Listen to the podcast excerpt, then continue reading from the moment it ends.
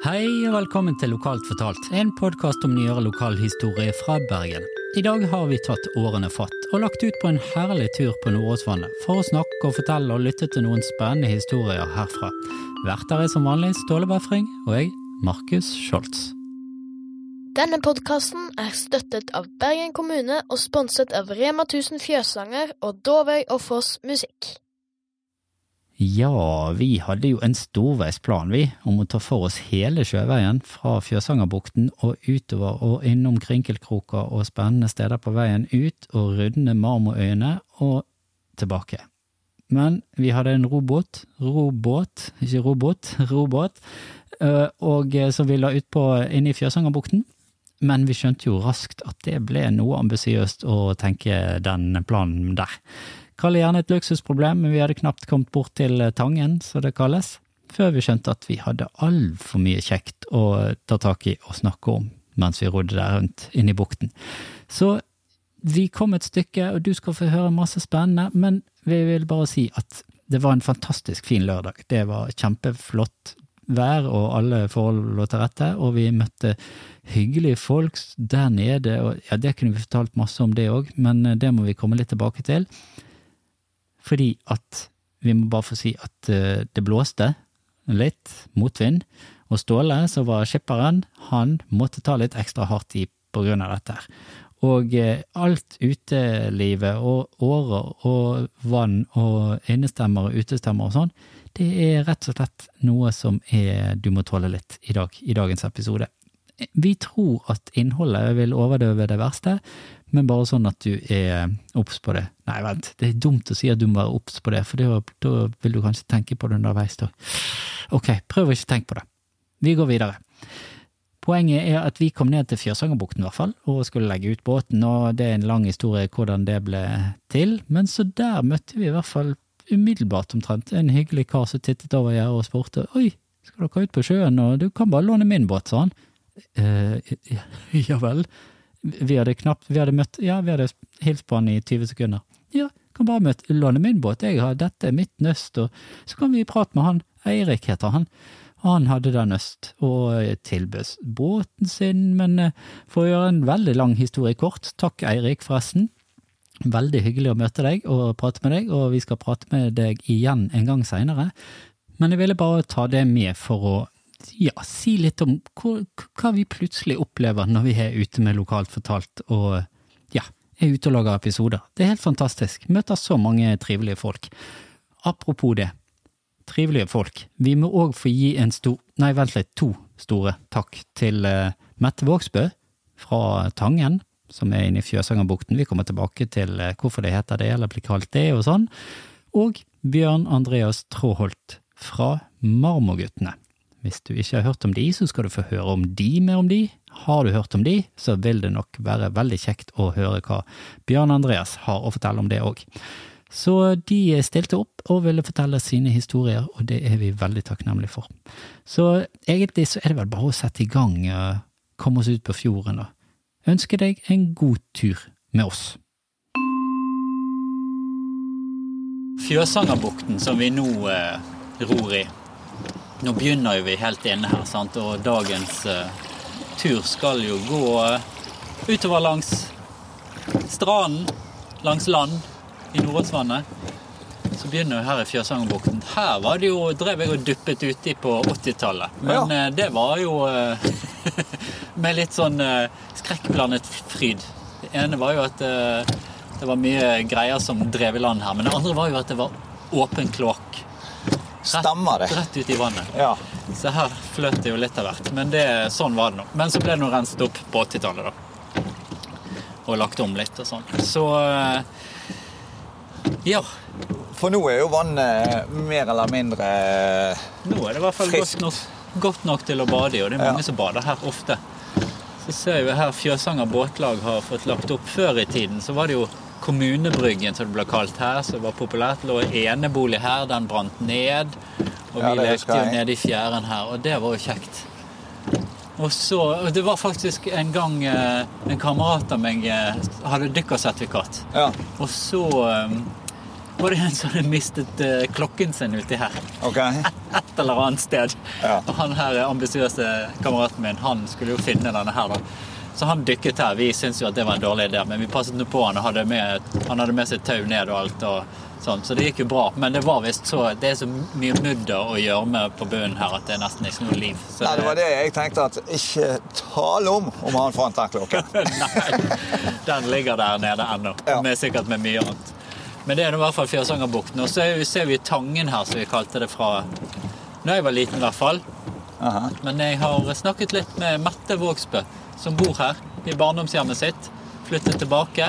Og da jeg vokste opp, så fikk vi komme ned på sankthansbål ute på. Det er en sånn stor sånn slette utover her. Ja. Så var det sankthansbål med pølsegrilling og kos og alt. Men det får ikke de lov til lenger. Så. Men eh, det kan nå eh, Mette fortelle litt mer om, for hun har jeg allerede snakket med.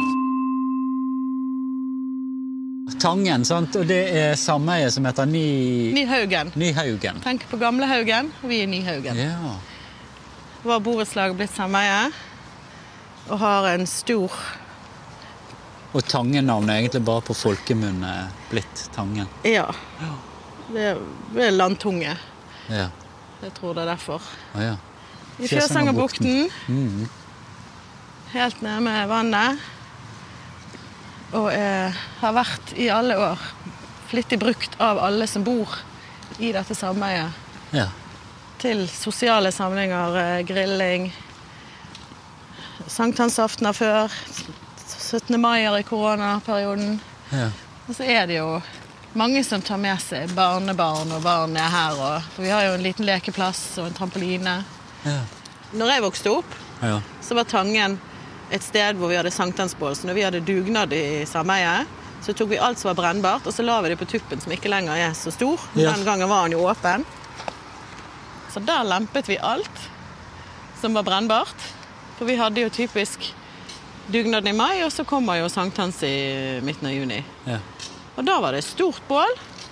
Så dekket vi opp hvis det var godt vær. Så var det jo langbord og stoler og alle samles med. Og det var jo korgfest. Ja. Og grillings.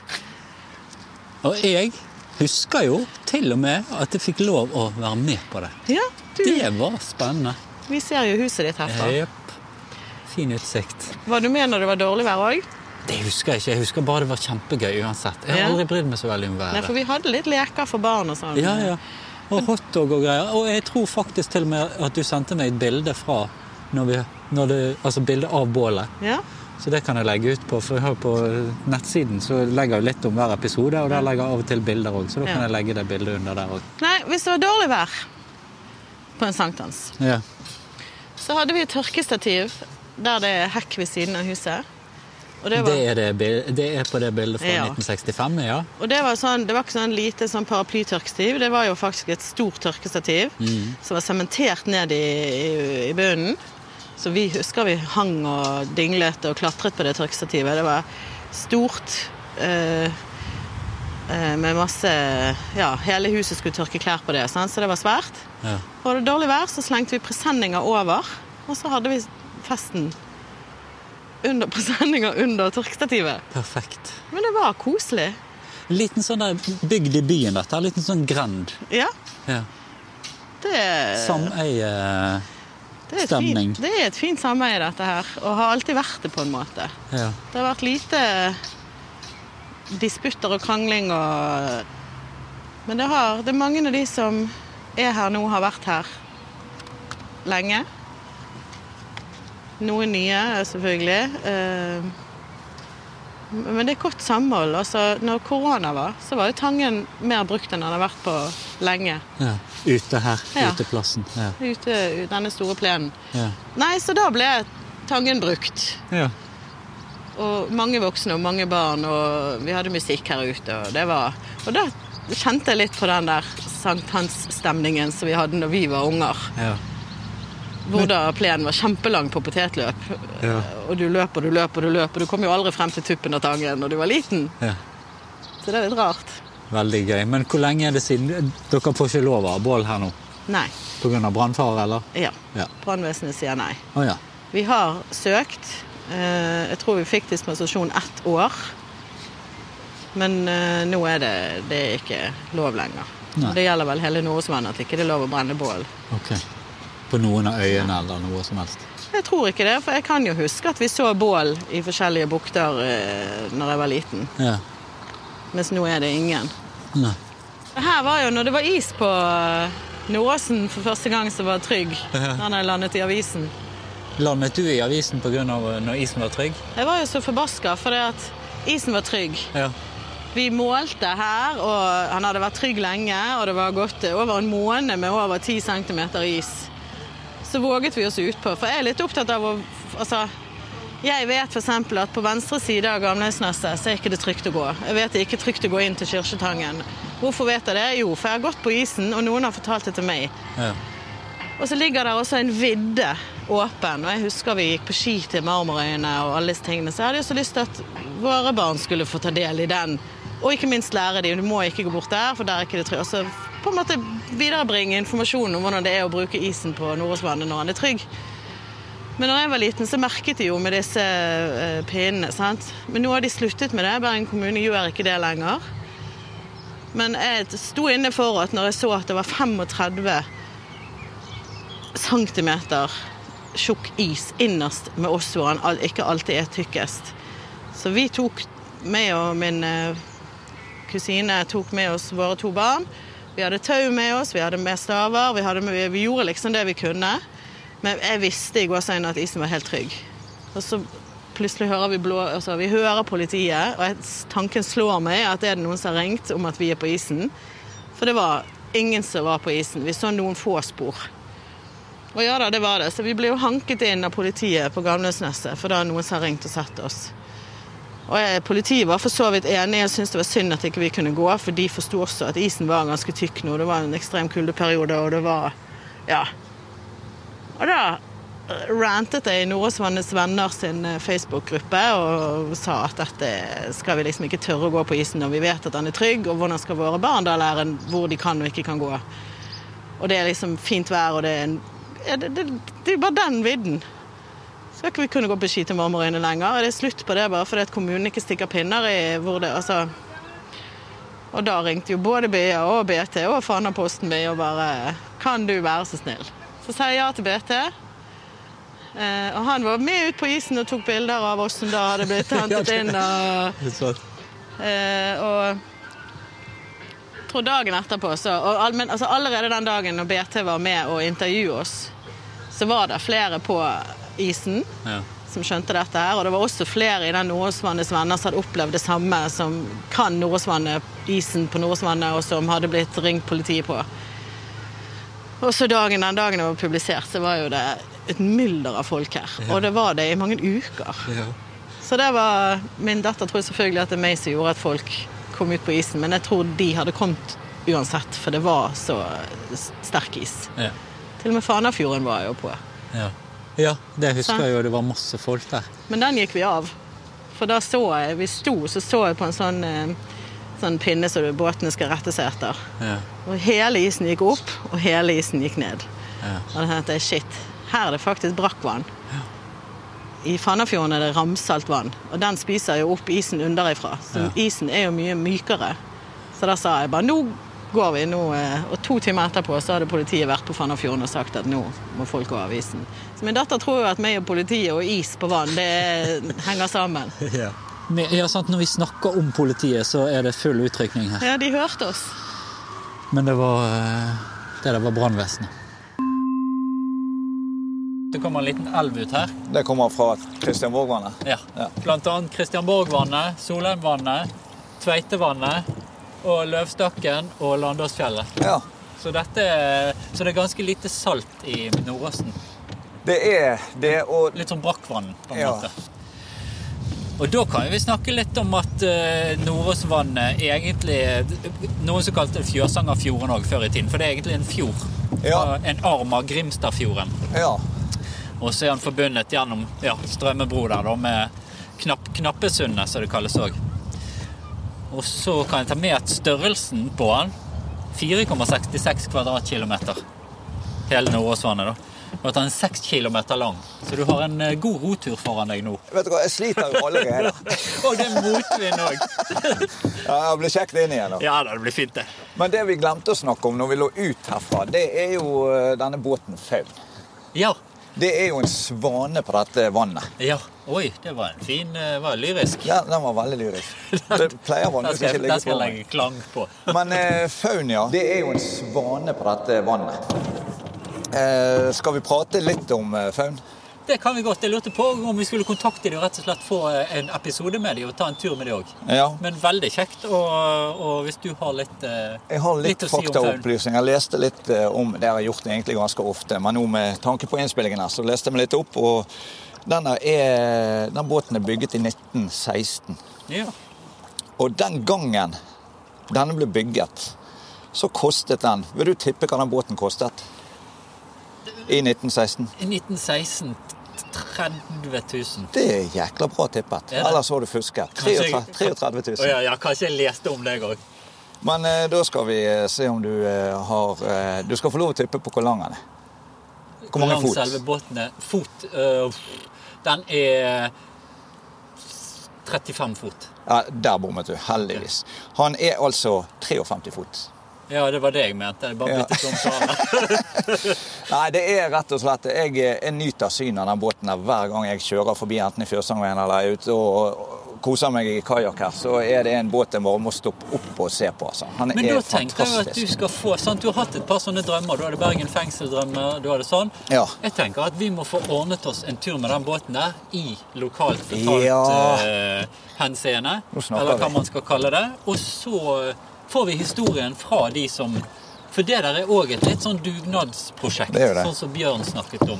Sant? Du har Marmorguttene på dugnaden der. Ja. Og Faun òg var rett og slett en, eh, en, en dugnadsgjeng som ville ta vare på båten. Ja. Og ha noe masse oppdrag og turer og i Hardanger på båtfestivaler og det ene og det andre. Det har det ikke vært dumt. Det må vi prøve Du å har få noen til. sinnssykt gode ideer av og til, Markus. Tusen hjertelig takk. Det skal jeg ikke klippe ut. det Nei. Ja, og der ble jo både Marmorguttene og Bjørn sitt navn nevnt, så da tenker jeg at vi kan hoppe over til å høre hans historie. Altså, min kone er jo øh, oppvokst i Skipperviken, Å ja. så hun kjenner jo øh, alle husene og, og, og hvem som bor her og, og uh, alt rundt her. Ja. Jeg bodde jo på Storetvedt, men gikk i klasse med på øh, øh, Storetvedt skole, som det het den gangen. Nå Paradis skole. ja. sånn. Ja, ja. Eh, eh, med folk som bodde for Hop. Mm. Og Der var det bl.a. en som hadde eh, kajakk. Så vi fylte den med fem mann, og så rodde vi ut for å treffe jentene ute på, eh, på Marmorøyene. ja, akkurat. Så For da kom jo de fra Bønes og Kråkenes og sånt, og de var jo eksotiske for oss de den gangen. ikke sant? Selvfølgelig. Så vi hadde mye moro der ute. Ja. Så var jeg vekke fra Marmarøyene i 60 år, faktisk. Jeg tror jeg pga. at jeg hadde seilbåt som vi, vi dro med.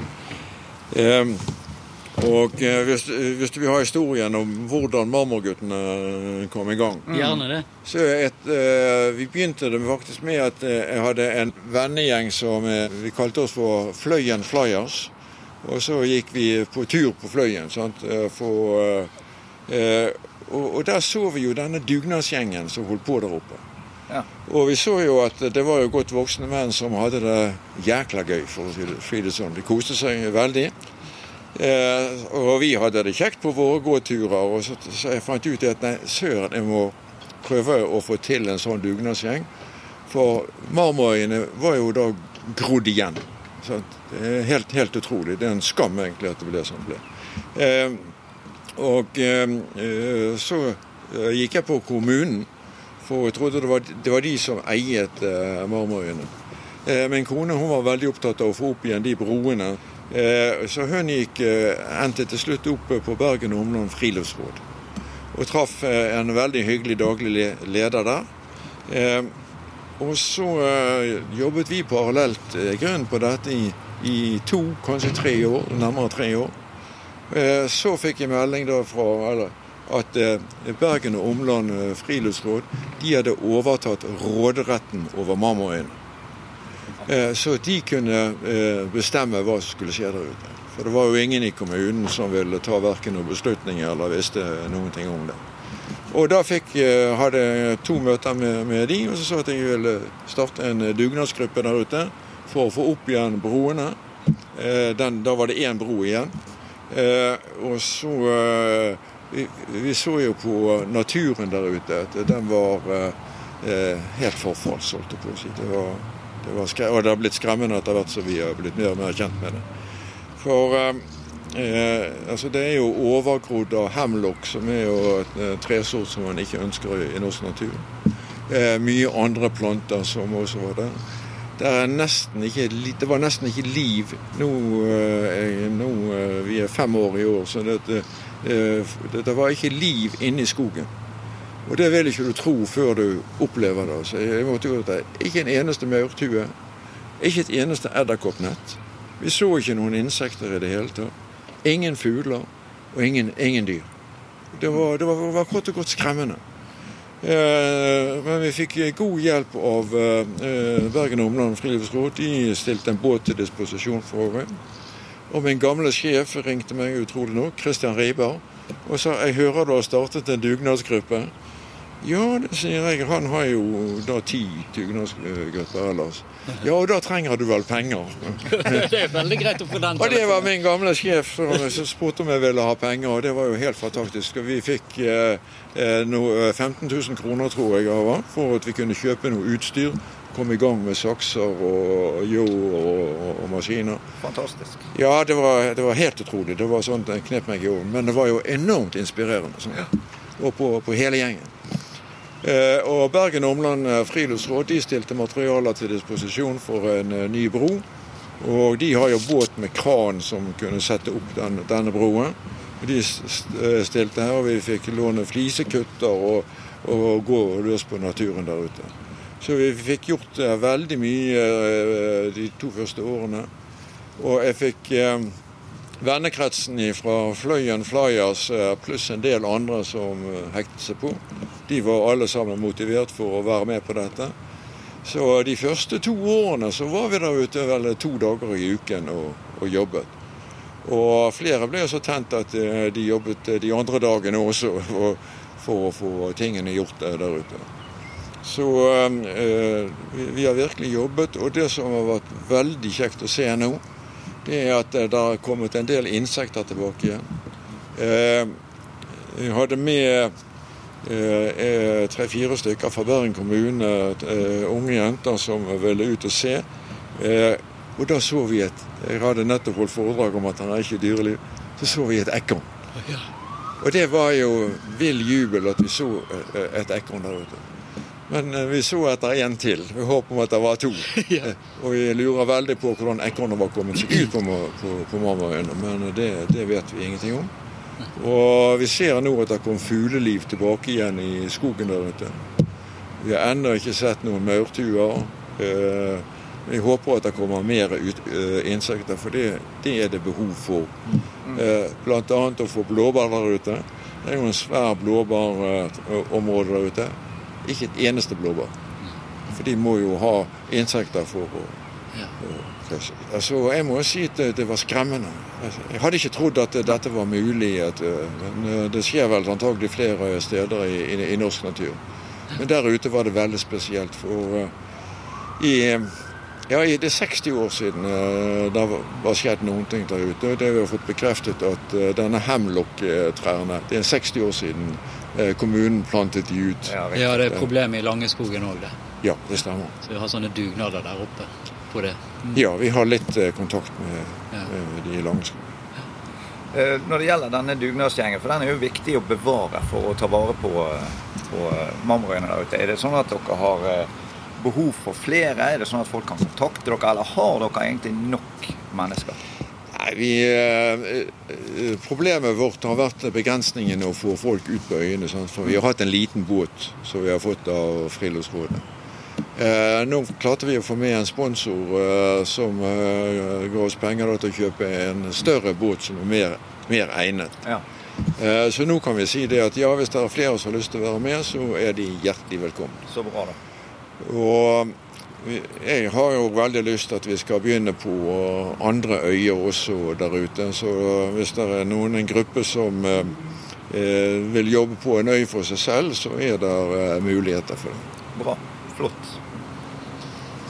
Leste litt at det var, som du var inne på med, med skogen der og trærne og forskjellig, det, var, det er visst veldig spesielt. Det er noe, blant annet noen orkideer, sjeldne orkideer som vokste der ute og sånn òg. Så det er jo eh, Ja, det er veldig, veldig mye som kan ordne seg nå når dere har gjort dette her.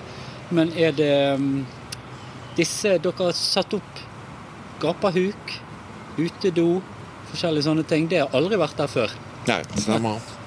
Var det, det er med tanke på at alle skal kunne benytte dette Eh, Ja, selvfølgelig. Altså, Bergen Omland og Friluftsråd de, de hadde søkt må jo søke byggesaksavdelingen på dette. Ja. Og det er jo det som er, er, er Bergen.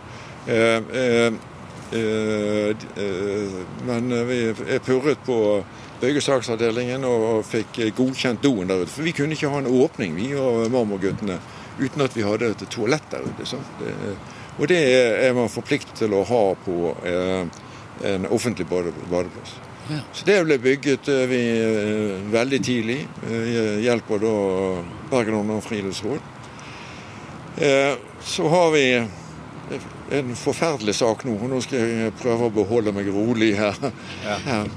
Eh, Vi vant en skulptur ute på dette symposiet ute på Os, eh, sant, hvor de inviterer fra, eh, skulptører fra inn- og utland. Og vi vant en skulptur eh, som vi ville ha ute, som heter Gard.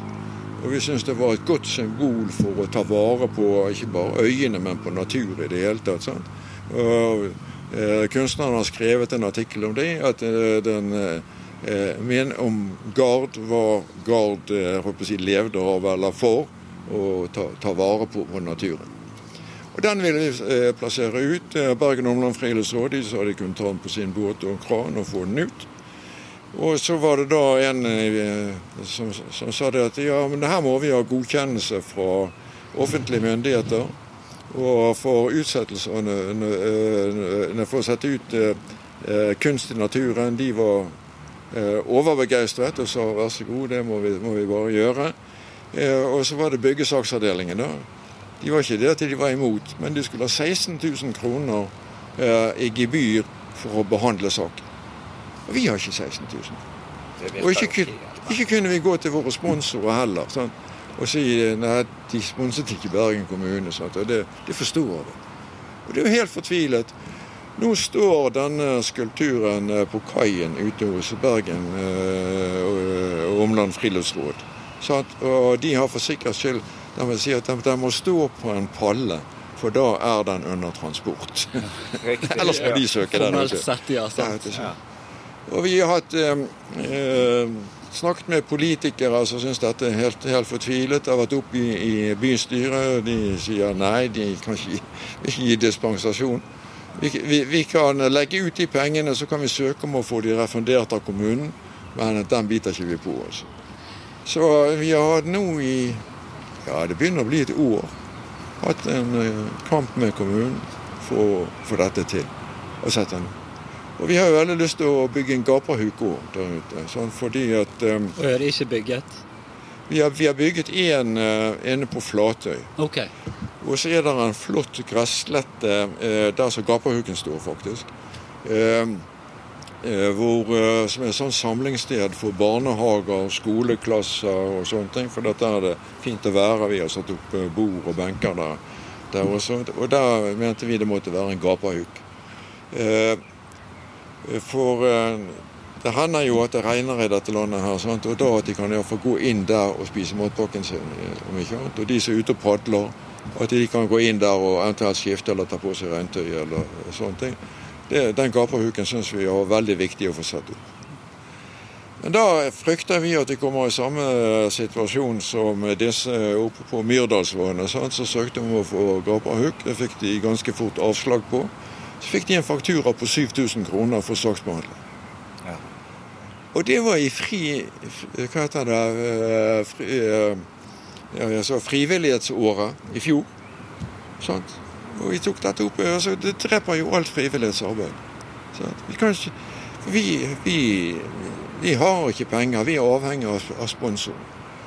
Men eh, sponsorer vil ikke, og vi vil heller ikke gå ut og eh, be sponsorer eh, betale til Bergen kommune for de, Vi har folk som betaler uh, materialer. Vi gjør gratis arbeidsinnsats. Sant? Prøver å få dette opp. Ja, det. Alt stopper opp. Ja, det burde jo vært eh, vist litt velvilje der, tenker jeg, til eh, de tingene der. Min personlige mening, da. Opprette en sånn spleis.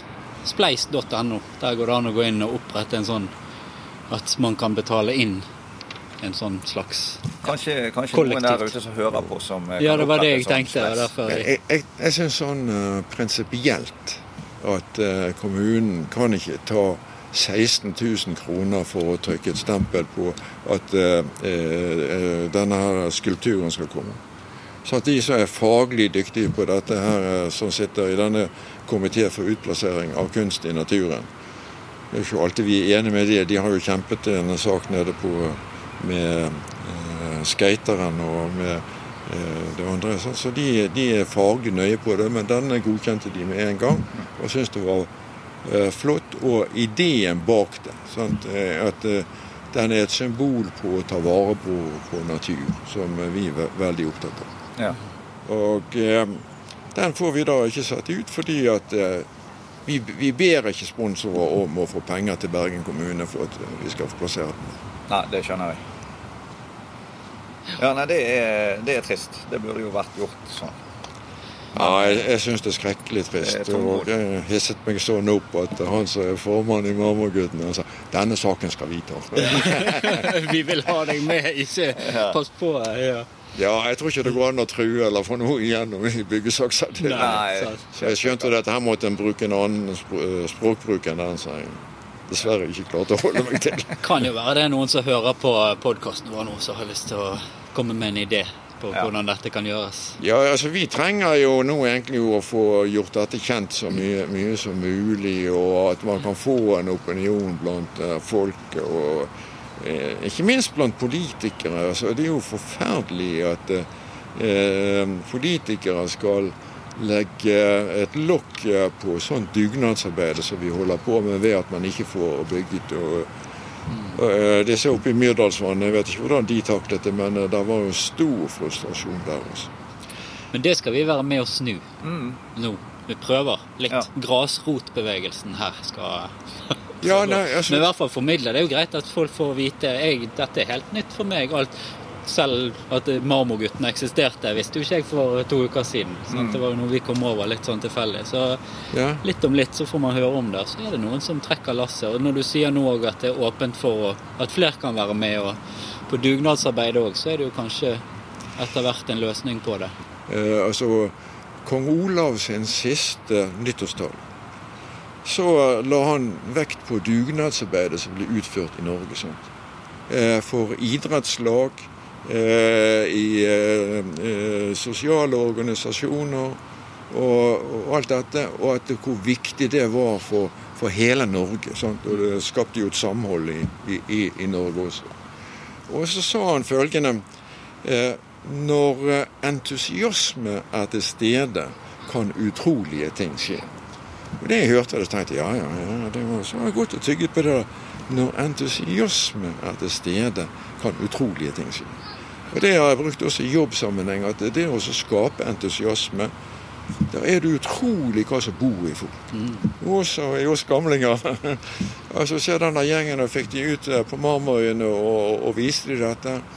Sånn, så var det jo to dager i uken var vi der ute, og eh, mange dro ut på egen hånd ut og skulle eh, ta ned noen hemlokker og bygge ferdig. Den broen kom jo opp på rekordtid. sant? Eh, vi hadde aldri eh, vært borti støpearbeid, og i alle fall ikke støpearbeid i sjø. Så vi fikk noen råd eh, av Friluftsrådet. Og broen står der den, den dag i dag, og det er litt sånn eh, monument på uh, utrolige ting som kan skje når det skapes entusiasme. Mm. Ja. Ja. Det er kjempeviktig. Det er det. det er det absolutt.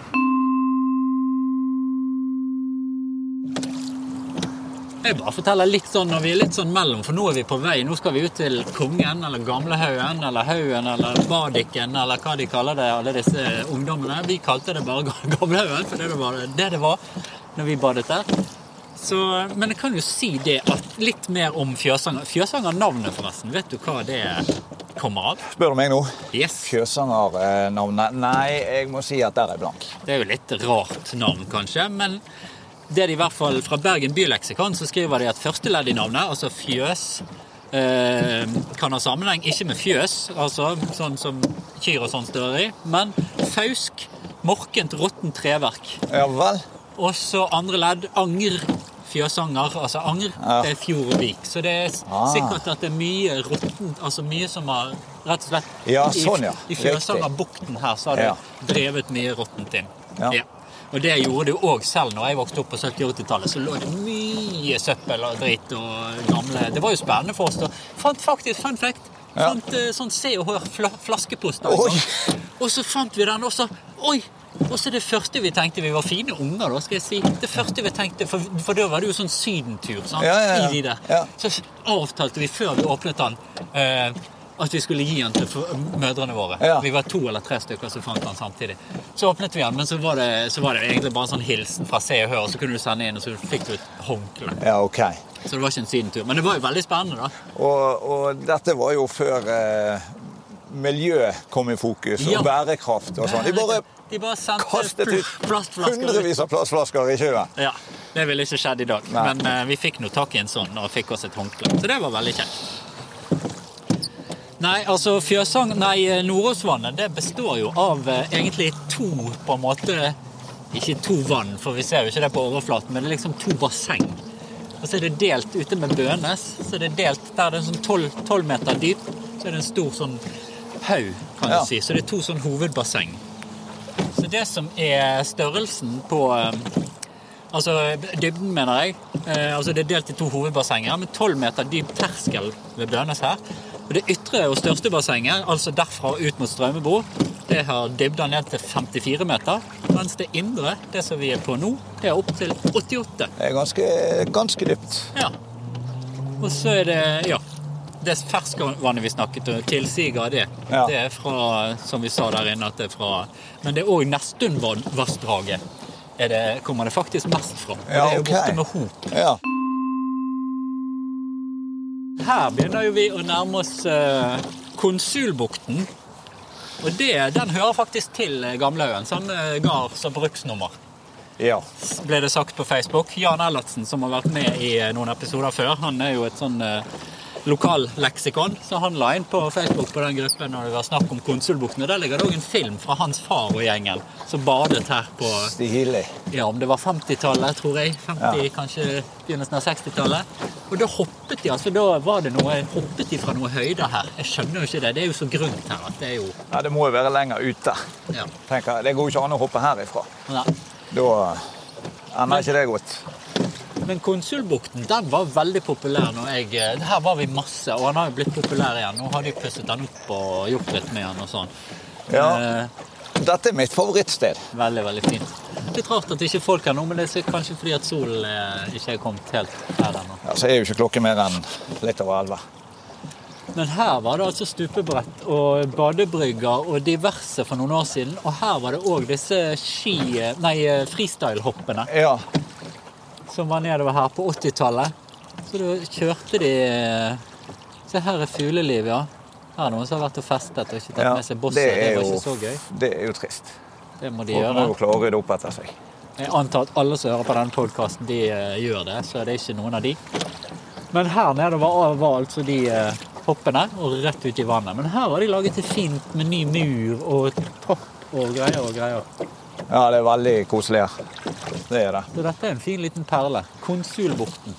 Men når du eh, prøvde de hoppene, var det trippelsalto eller bare enkeltsalto? Jeg bare løp alt jeg kunne, og så skjedde det som skjedde. Ja. Nei, jeg prøvde de aldri med ski på beina. Vi var jo bare oppe, Det var jo spennende. sant? Det var jo uh, høyt.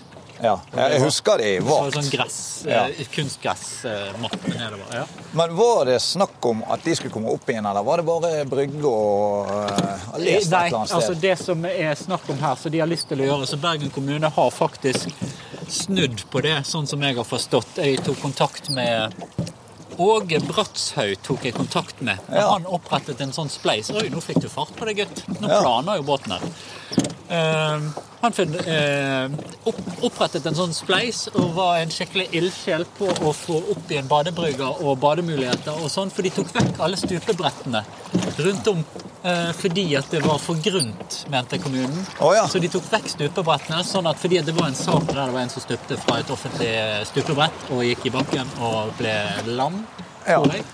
Eh, men eh, han eh, tenkte at, de ville, at det skulle kommet opp hvert sånne brygger de kunne lagt det lenger ute og litt sånn. Opprettet en spleis. Den ble visst ikke gikk visst ikke helt gjennom.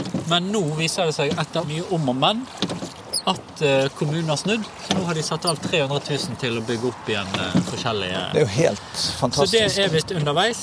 Eh, og han var grei og svarte på Messenger eh, og lenket til en artikkel som det står om det òg. Ja. Bra. Så det var bra. For å ikke ta vann over hodet, så tror jeg at vi sier stopp her for denne gang. Turen vår gikk videre, den. Vi rodde og rodde. Nei, det gjorde vi ikke. Ståle rodde og rodde. Jeg bare satt og maste og koste meg, men vi hadde det storveis. Og vi skal prøve å få laget en del til av denne turen. Lage en episode til, altså. Fordi at eh, ja, turen ble mye lenger, og vi hadde masse kjekke ting vi oppdaget. Og eh, så håper vi fremdeles at du bærer over med oss med tanke på den eh, lyden, som eh, jeg ikke skal mase mer om nå. Igjen, takk til Mette og Bjørn for å fortelle oss sine ting. Spennende, kjekt, hyggelig. Og takk til Eirik som lot oss få låne både uteplassen og bord og stoler ved naustet sitt. Og vi ønsker deg, kjære lytter, en stor fin sommertid til neste gang vi høres, og håper du vil følge med oss videre på ferden, eller ferdene, rettere sagt. Uansett, lev vel.